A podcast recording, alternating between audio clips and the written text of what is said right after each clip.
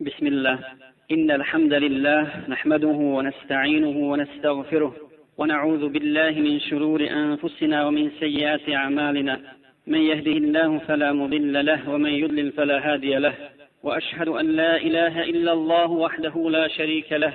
وأشهد أن محمدا عبده وحبيبه ورسوله. أرسله الله بالحق بشيرا ونذيرا بين يدي الساعة. من يطع الله ورسوله فقد رشد ومن يعص الله ورسوله فلا يضر إلا نفسه ولا يضر الله شيئا. أما بعد فإن أصدق الحديث كتاب الله وخير الهدي هدي محمد صلى الله عليه وسلم وشر الأمور محدثاتها وكل محدثة بدعة وكل بدعة ضلالة وكل ضلالة في النار.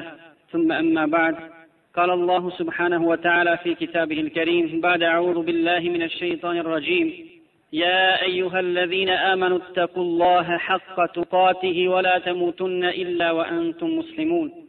وقال يا أيها الذين آمنوا اتقوا الله وقولوا قولا سديدا. يصلح لكم أعمالكم ويغفر لكم ذنوبكم. ومن يطع الله ورسوله فقد فاز فوزا عظيما. ثم أما بعد. Draga moja braćo, dragi vjernici, danas ćemo u ovoj našoj hudbi, inša Allah, govoriti o jednoj osobini islamskog ahlaka koju Allah subhanahu wa ta'ala spominje u Kur'anu i koja je samim tim krasila poslanika sallallahu alaihi wa sallam jer je njegov ahlak bio Kur'an kako kaže Aisha radijallahu ta'ala anha toj vrijednosti i tom ahlaku poslanik sallallahu alaihi wa sallam je podučio i naučio svoja sahabe i njihove potomke, njihovu djecu. To je ahlak Allahovih poslanika i Allahovih evlija, onih braćo koji se nisu bojali i koji se ne boje ničijeg prijekora u ime Allaha subhanahu wa ta'ala, koji se ne boje ničijeg prijekora na putu uzdizanja Allahove vjere i Allahove istine. Ta osobina jeste hrabrost. To je osobina koja prati iskrene vjernike i one koji su razumjeli Allahovu vjeru i koji je žive. Ne samo one koji su razumjeli, nego koji su razumjeli Allahovu vjeru i s jekinom je prihvatili i pridržavaju se onoga što su razumjeli u svojim životima. A kada je ta osobina prisutna braćo kod muslimana, onda svakako uz nju ide i ponos, i dostojanstven život, i ljubav prema dobru, mržnja prema zlu, i spremnost da se kaže istina u svakoj situaciji, da se bori za tu istinu, ma u kakvoj situaciji čovjek bio i da se žrtvuje za nju. Allah subhanahu wa ta'ala spominjući ovu osobinu, spominje je uz iskrene vjernike. Pa u suri Al-Maide u 54. ajetu kaže A'udhu billahi mine šeitanir rajim Ja ejuha alladhina amanu Ovi koji vjerujete Men jertadda minkum an dini Ko od vas otpadne od svoje vjere Ko napusti svoju vjeru Ko napusti islam فسوف يأتي الله بقوم Znajte da će Allah doći s drugim ljudima, s drugim narodom koji će vas naslijediti kakve su njihove osobine. Juhibbuhum wa yuhibbune. To su oni koje Allah voli. A naša najveća želja kao vjernika je da nas Allah voli. Koje Allah voli i koji vole Allaha. Jedna od njihovih osobina. Zatim, ezilletin alel mu'minin. Oni su ponizni prema vjernicima. Izzetin alel kafirin. Ali su ponosni prema nevjernicima. Juđahidune fi sebirillah. To su oni koji se bore i koji će se boriti do svoje smrti na Allahovom putu. I voditi džihada Allahova riječ bude gornja, a nevjernička riječ da bude donja. Wala je hafune laumete laim. I neće se bojati ničijeg prekora na tom putu. To su četiri osobine istinskih, iskrenih vjernika. Allah subhanahu wa ta'ala nakon toga kaže Zalike fadlullahi yu'tihi man yasha. To je blagodat. To je blagodat koju Allah daje kome on hoće od svojih robova. Wallahu wasiun alim. Allah je zaista sveznajući gospodar. Dakle, ove četiri osobine spominje Allah uz iskrene vjernike, a jedna od njih je upravo hrabrost u ime Allaha Đalešanuhu. Hrabrost kao pozitivna vrijednost i osobina, a ne ona luda hrabrost koju ćemo također spomenuti, koja nije od islama i ne spada, ne spada u islamske osobine. Zatim poslanik sallallahu alejhi ve sellem braćo spominje u svojim hadisima ovu osobinu i spominje ono što je suprotno njoj, a to je kukavičluk. I čak upući Allahu dovu da ga sačuva kukavičluka. Allahumma inni a'udhu bika min al-jubni wal bukhl. Kaže poslanik sallallahu alejhi ve sellem svojoj dovi koju bi mi trebali da učimo praktikujući sunnet poslanika sallallahu alejhi ve sellem. Gospodaru moj, sačuvaj me.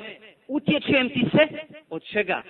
Od kukavičluka i škrtosti onaj ko je kukavica u svojoj duši, a to iskren vjernik ne bi trebao da bude i ne bi smio da bude, živi tjeskobnim životom. To je težak život. Kakav je to život, braćo, koji je ispunjen strahom i kukavičlukom? Kukavice, kažu mudri ljudi, stotinu puta umiru u jednom danu. I kako kaže Allah, jahsebune kulla sajhatin alejhim. Misle da je svaki povik na njih. Čim iziđe iz svoje kuće, misli da ga svi ljudi gledaju.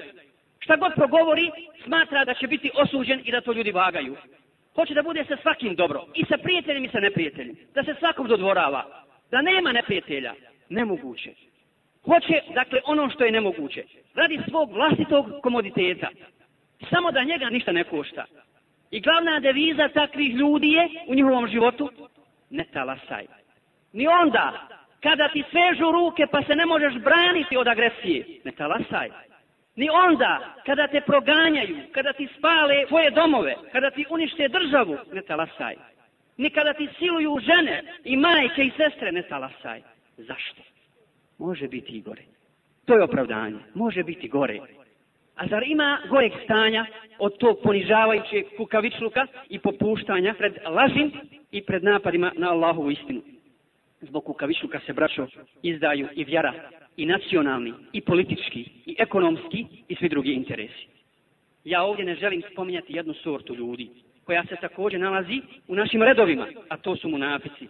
To su munafici, ne želim mnogo da govorim o njima. O njima je sve rečeno, oni sami o sebi najbolje govore. Oni su svojom propagandom, dakle govorim o munaficima, u Bosni i Hercegovini, Oni su svojom propagandom, kroz pisane i elektronske medije, nanijeli takvo zlo i toliku štetu muslimanima da je to nesagledivo. Prije svega, svojom propagandom su izjednačili agresora i žrtvu. Izjednačili agresora i žrtvu onoga dana, ja ne želim da branim nikakvu partiju, nikakvu stranku, nemojte me pogrešno razumjeti, nego, ali su izjednačili stranku muslimansku koja je podigla ovaj narod na ponosan otpor agresiji i agresorske, odnosno dušmanske stranke, koje su i fašističke, i nacionalističke, i svaki drugi negativan epitet im se može prilijepiti. Zatim, oni su i dalje to radi, izmišljali i izmišljaju teroriste iz naših vlastitih redova, da bi na taj način pomogli agresorima, pomogli onima koji čini genocid, da se što više zaboravi to, da se izbriše ime agresija iz naših udžbenika istorije, da se izbriše ime svih zločinaca, i da se na taj način zataškaju zločinci i da se ne vodi briga o njima, nego o terorizmu nekakvom potencijalom koji dolazi iz muslimanskih redova. Oni su na svojim medijima i dan danas to rade i ponavljaju. Pripisali epitete oslobodilačkim, oslobodilačkim ketibama u Palestini, u Čečeniji, u Afganistanu, u Iraku, epitet militantnih jedinica, paravojnih jedinica i stalno to govore, stalno to ponavljaju. Oni koji su učinili agresiju na Irak nisu militanti za njih. Nisu to militantni ni paravojne snage. Nisu agresori. Nisu okupatori. I vjerovatno nikada ti munafici nisu ni razmišljali o tome kako bi se mi osjećali ovdje u Bosni. Da su naša braća muslimani iz Iraka, iz Afganistana, iz ostalih muslimanskih zemalja, naše jedinice, našu vojsku nazvali paravojnim militantnim snagama a možda su imali pravo, kaže možda pod navodnim znacima, jer Milošević upravo brani time, kaže oni su napali jednu regularnu vojsku, rastorili su državu Jugoslaviju koja je tada postojala, mada je to čista laž, jes, jasno, ali mogli su tako da kažu. Kako bi se mi osjećali da su nas, da su nas tako nazivali? Dakle, ne želim da govorim o toj sorti ljudi. Znači, braću u jednoj drugoj skupini. U jednoj drugoj skupini muslimana koja šuti kad treba braniti istinu, a deklarišu se kao muslimani i to muslimani koji praktikuju islam, koji klanjaju i koji izvršavaju Allahove naredbe, ili su poznati po svojim očajnim i beznadežnim i ponižavajućim komentarima o određenim pojavama koji se dešavaju kod nas u društvu. kad treba govoriti o legalizaciji prostitucije, onda se protiv ubježenja, Allaha mi protiv vlastnog ubježenja glasa za to, zbog drugih interesa. Kad treba glasati protiv homoseksualizma, protiv tih nakaradnih pojava, abnormalnih pojava, za jedno razumno biće kao što je čovjek, zbog kojih je Allah kažnjavao generacije i ljude kroz historiju, zbog tih grijehova, onda se tako ponašaju. Kad treba braniti islamske vrijednosti, onda ih oni napadaju zajedno sa onima koji ih napadaju, koji ne žele da išto od islama prođe i da se bilo šta firmiše od islamskih vrijednosti. Oni koji bez ikakvog ičijeg pitanja i dozvole šalju muslimane u Irak da ratuju za agresorsku vojsku i tako dalje. Ako su ubijeđeni muslimani, ja ih zaista pitam, neka mi kažu u kojim knjigama islamske historije su naučili to. To je takav metod, takav odnos prema životu i prema islamskim vrijednostima, jesu li naučili u siri poslanika sallallahu alaihi sallam i u siri ashaba Allahu poslanika Muhammada sallallahu alaihi sallam. Zatim, znaju li neki primjer ne iz islamske istorije, nego iz historije ljudskog roda općenito, da su ljudi, bilo ko, da li narod ili pojedinac, da su svoju vjeru, svoju kulturu, svoje vrijednosti branili na takav način. Ne postoji takvi primjeri. Ali to je upravo zbog ovog kukavičluka, odnosno zbog nedostatka hrabrosti. U Badegni sami prenosi i predaju hadis u kojem kaže zavjetovali smo se Allahovom poslaniku da ćemo govoriti istinu i da se na tom putu nećemo bojati ničijeg prijekora. To je zavjet dat Allahovom poslaniku sallallahu alaihi ve sellem. A u jednoj predaji stoji kulil haqqa walau kana murran. Reci istinu pa makar ti bila, makar ti bila i gorka. Poslanik sallallahu alejhi ve sellem nas nauči obrnuto i suprotno onoga što kako se ponašaju nas muslimani. U jeku najžešćih napada na muslimane. Poslanik sallallahu alejhi ve kaže jadne kurejšije, mušici, kurejšije, jadne kurejšije, ratovi ih strpiše, ubiše ih, istrijediše ih. Što ne puste mene, jarape? Pa ako oni prime islam, bit će im dobro svima. A ako ne prime, ako me ubiju, pa onda će ispuniti svoj cilj. Zar misle da ću ja napustiti ovu svoju misiju? Tako mi Allaha neću napustiti ono sve me Allah zadužio. Da se borim za Allahu u istinu, da se borim za promicanje Islama, dok me ne ubiju, dakle dok mi smrt ne dođe, ili dok ova istina ne pobjedi. To je princip jednog muslimana. Ashab na vješalima, na vješalima smrt ga čeka, ali kaže, kad ga pitaju, bili volio da je poslanik na tvom mjestu, tako mi Allah ne bi volio da poslanika trnu bode, a da sam ja sa svojom porodicom u svojoj kući. Omer Muhtar nije bio ashab, nije davno živio. Kada su okupatori italijani napali islamski svijet, odnosno Libiju, i uhvatili ovog velikog muslimanskog vojskovođu, htjeli su da ga ubiju. Međutim, prije toga general Graciani mu kaže, šta misliš, hoćeš se ti povući? ako ti italijanska vlada i svoje milosti podari život. Ako ti sačuva život. Vješala, vješala su na vratu. Tako mi Allaha, ja ću se boriti protiv vas. Objesi me mene objesi? Ako me objesite, gotovo je. Ja sam inša Allah šehid, ja sam svoje završio. Ali ako me pustite, neću imat milosti ponovo prema vama. Nimalo dok vas ne istjeram iz ove naše, iz ove naše zemlje. To je ponos i to je hrabrost jednog muslimana. Halid ibn Velid, koji je umro na svojoj postelji, a vodio je toliko bitaka, imao je toliko bitaka i toliko je bio izranjavan da na njegovom tijelu nije bilo mjesta, nije bilo rane. Kaže na svojoj smrti poznati riječi, borio sam se i želio sam šehadet na Allahovom putu. Evo sada umirem u svojoj postelji. U jednoj predaji stoji da je rekao skapavam kod deva. I na kraju kaže, fala namet a'yunul džubena, ne spavale oči kukavički. ne spavale oči i nisu spavale dok je Halid ibn Velid, dok je Halid ibn Velid širio Allahu vjeru, dok je vodio muslimane. Dakle, spominje tu lošu osobinu, kukavičluk, koji ne smije da bude svojstven muslimanima, iskrenim vjernicima. Dakle, ti, brate, kao musliman, moraš biti hrabar i ponosan i principijelan. Da li to bilo u džihadu, u političkoj borbi, u bilo kakvoj drugoj borbi i načinu i metodu borbe za Allahu istinu. Nemoj ti glasa za homoseksualizam. Nemoj glasa za prostituciju, pa nek ona prođe. Nek ona prođe, nek se zna koji to civilizacijski krug ne glasa protiv toga. Ko se to bori protiv zla, a ko se bori protiv Allahove istine. I zar se može očekivati, braćo, pobjeda bez žrtve, bez ustrajnosti na putu Islama, na putu istine? Pobjeda ne dolazi sama od sebe. Ona je pratilac iskrenih vjernika, hrabrih, principijelnih, ali i mudrih, pametnih, kulturnih, strpljivih i odvažnih. Zar se drugačije može biti uzor i zar se drugačije može postići autoritet? Autoritet se ne može nametnuti. Bez obzira koliko neko obmanjivao svijet, a autoritet se ne nameće, nego se stiče. Često puta je govorio Rahmetli Husein Efendija Džozo i zaista je bio u pravu.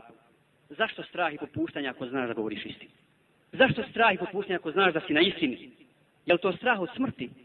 Vjernik je posljednji, musliman je posljednja osoba koja treba da se boji bilo čega, da kaže istinu posebno zbog smrti, zbog straha od smrti.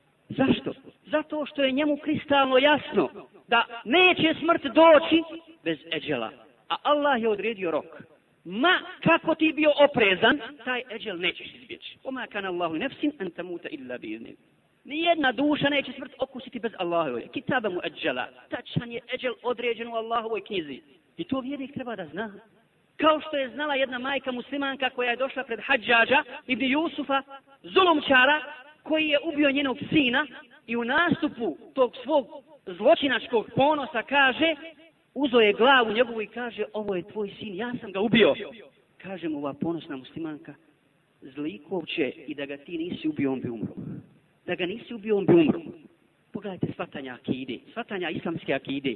Ti si njega ubio u Allahovoj odredbi, ali ćeš nositi njegovu krv na sunjem danu. I zato ćeš biti odgovoran. Kul hel te rabbesuna bina illa ihdel husnajein kaže Allah šanu, reci, zar mislite da mi očekujemo ili da će nas snaći nešto osim dva dobra? Jedno od dva dobra muslimana može snaći na njegovom putu ka Allahu Đelešanu, ništa drugo. Ili šehadet na Allahovom putu, a to svaki se vjernik priželjkuje, svejedno bio taj šehadet u borbi ili u njegovoj postelji, ako je iskren, on će biti šehid, inša Allah, ili pobjedu Allahove istine. Jedno od ta dva dobra očekuje musliman, pa čega onda da se boji? Međutim, Omer radi Allah nam također kaže i čudi se, čudim se nedostatku samopouzdanja kod vjernika i čudim se hrabrosti i odlučnosti kod nevjernika. A poslanik sa selem govoreći o toj hrabrosti, koliko je bitna i važna za život muslimana kao pojedinca, a i za život ummeta cjelokupno kaže, gospodin šehida je ko? Hamza. Ali nije završio na tome, poslanik sa selem. Ko još? I čovjek koji ode pred vladara zulumčara i naredi mu dobro i zabrani zlo, dakle kaže mu istinu u oči, pa bude ubijen. I tako će se do sudnjeg dana. To je istinski gospodin i šehid kod Allaha subhanahu wa ta'ala. I ne zaboravimo braćo jednu poruku koja je zaista velika i istinita. Hrabar čovjek je uvažavan, da ne kažem omiljen, uvažavan i u neprijateljskom taboru. A kukavica je prezren i kod rođene majke. Draga braćo, nedostatak hrabrosti, odnosno kukavičluk, povlači za sobom i druge loše osobine. Laž, prevaru, izdaju, potvoru muslimana, napad na čast muslimana i tako dalje. Zato kaže poslanik sallallahu alejhi ve sellem, dvije najgore osobine koje čovjek može kod sebe sakupiti i imati jesu nezasitna pohlepa i kukavičluk. Nezasitna pohlepa za dunjalukom i kukavičluk. Zato bih ja u ovoj drugoj hudbi ponovo posjetio braćo na vrijednost i svetost muslimanske ličnosti, na vrijednost i veličinu i značaj imanske veze, koja kod nas muslimana danas ni blizu nije jaka, a često puta se ne vidi nikako niti se primjećuje kao što je bila kod ashaba radijallahu ta'ala. I našu obavezu da čuvamo čast muslimana u svakoj situaciji da pojačamo tu vezu koja će nas istinski ujediniti tako da ćemo se jedni pored drugih osjećati sigurno, a ne nesigurno kao što se danas osjećamo. Imanska veza, braćo, ima svoju vrijednost o kojoj Allah Đelešanuhu govori. A koja je to vrijednost? Koja je vrijednost imanske veze? Evo koja. Kur'an je direktno spominje i kaže لو enfakte ما fil ardi جميعا ma elefte بين قلوبهم da si ti Muhammede potrošio sav dunjaluk, ti ne bi ujedinio se sa vjernika, sa sahaba. Dakle, to je vrijednost imanske veze. Sve dinare, dirheme, marke, eure i sve blago i zlato, da si potrošio i kad bi bilo ko potrošio, Allaha mi ne može ujediniti istinski dva srca. Možeš i udružiti radi nekih dunjalučkih interesa, ali da ujediniš dva srca da se istinski vole i poštuju i uvažavaju, ne, nema šanse. Praksa ashaba nam to najbolje pokazuje ashabi, posebno recimo ljudi u Medini, Eusi, Hazreć, to je poznat primjer u istoriji Islama, koji su se krvili prije toga, bili u krvnoj osveti, toliko da je čovjek bio spreman čitavo pleme da, da ubije zbog toga što su oni ubili njegovu devu. Ne čovjeka, nego devu ubili. Čelijet, paganski žar. Ali isto da i ponos. Međutim, kad su čuli Allahovu objavu, kad su čuli Allahove riječi, ja ejuhel ladine amanu takullah, svaki petka i ponavljamo i čujemo sa mimbera, ako ništa drugo. Ittakullaha haqqa tukati, Bojte se Allaha istinskom bogobojaznošću. Wala tamutunna illa vantu muslimun. I ne umrite osim kao muslimani. Wa'tasimu bihablillahi jami'an. Svi se čvrsto držite Allahovog užeta. Wala tafarraku. I nikako se ne zadinjujte. To je ono što je ujedinilo njihova srca. Innama al-mu'minuna ihwatun fa aslihu bayna akhawaykum. Zaista su mu'mini braća, pa popravdate veze, popravdate ta stanja među vjernicima, izmirite vašu braću zavađenu. Dakle, ti ajeti su prodrli u srca sahaba i od krvnih neprijatelja stvorili najbolje prijatelje koji su dijelili jedni s drugima dobro i zlo. Ensarije su počastili muhađire, kuća popola i metak popola. Šta god hoće, šta ti god zatreba. Sve zajedno da dijelimo i dobro i zlo na ovome dunjaluku. A ne vrijeđati vjernike. I njihova deviza je bila kad se sretnu međusobno, braćo. Kad se sretnu međusobno, šta su govorili? Hajja bina nu'minu sa. Hajde da obožavamo Allah jedan sad. Da ibadetimo, da zikrimo, da učvršujemo našu vezu. Mi bi danas mogli slobodno kazati, neko od ove skupine samo koja šuti, koji su vođe, političari i tako dalje, koji su kukavice, neko od ove druge skupine koja po svojoj formi ima islam, međutim, i kod takvih bi mogli slobodno kazati često puta, da je naša deviza životna, ne hajde da obožavamo Allah jedan sat, nego hajde ja bi na naktar sa, hajde da jedan sat gibetimo braću, hajde napadamo ovoga, da napadamo onoga. Ne samo obične muslimane, nego danas ima skupina koje je nenormalno zbog svog džahilijeta Allahami napadaju islamske učenjake. Napadaju one koji i život, i vrijeme, i krv, i znoj koriste i troše na Allahovom putu. A ta čast muslimana je sveta stvar. Svetija od Kabe, to smo čuli hiljadu puta. Kaže Psalm Selem, tako mi Allaha kada bi se nebesa srušila i zemlja se u prah pretvorila, to je kod Allaha lakše nego da se prolije krv muslimana. To je kod Allaha subhanahu wa ta'ala lakše nego napasti na život ili na čast jednog muslimana. Pogledajte koliko je jaka ta veza i koliko bi trebalo da do nje držimo. Šta će mušici reći? Na sudnjem danu će mušici reći, braćo, kad vidje koliko je jaka i koliko je vrijedan tevhid, onaj koji je obožavao Allaha i koji je vjerovao Allaha i sudnji dan, velika je to stvar. Mušici kad vidje kolika je nagrada za njih, a kolika je kazna za širki kufr, šta će reći? Wallahi ma kunna mušrikin. Reći, Allaha nam nismo mi bili mušici. Slagaći, ali znaju da lažu. Ne mogu se oprati, ne mogu se više vratiti. Makar taj muslimani griješio. A da ne govorimo da napadaš učenjake.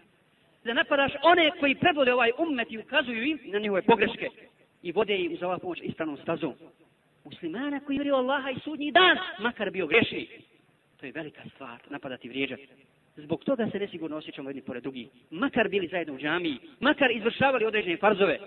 Zato što nema istinskog razumijevanja i primjene Allahovog šarijeta, a zato ćemo biti pitani. Znači, gore ti je da urediš muslimana, njegovu čast, nego da na sudnjem danu nosiš nebesa i zemlje. I to treba da imamo na umu. A to nemamo na umu, nažalost, braćo. I zato nas to košta.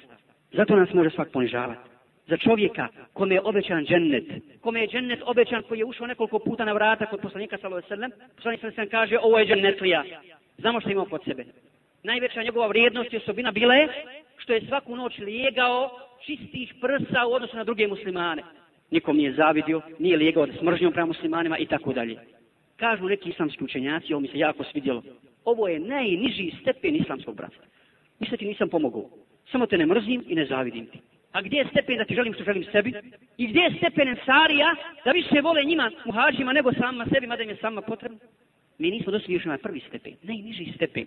Kako onda očekivati dobro? Kako živjeti ponosno? Kako živjeti dostojanstveno? I kako se nadati dobru u ovakvoj situaciji?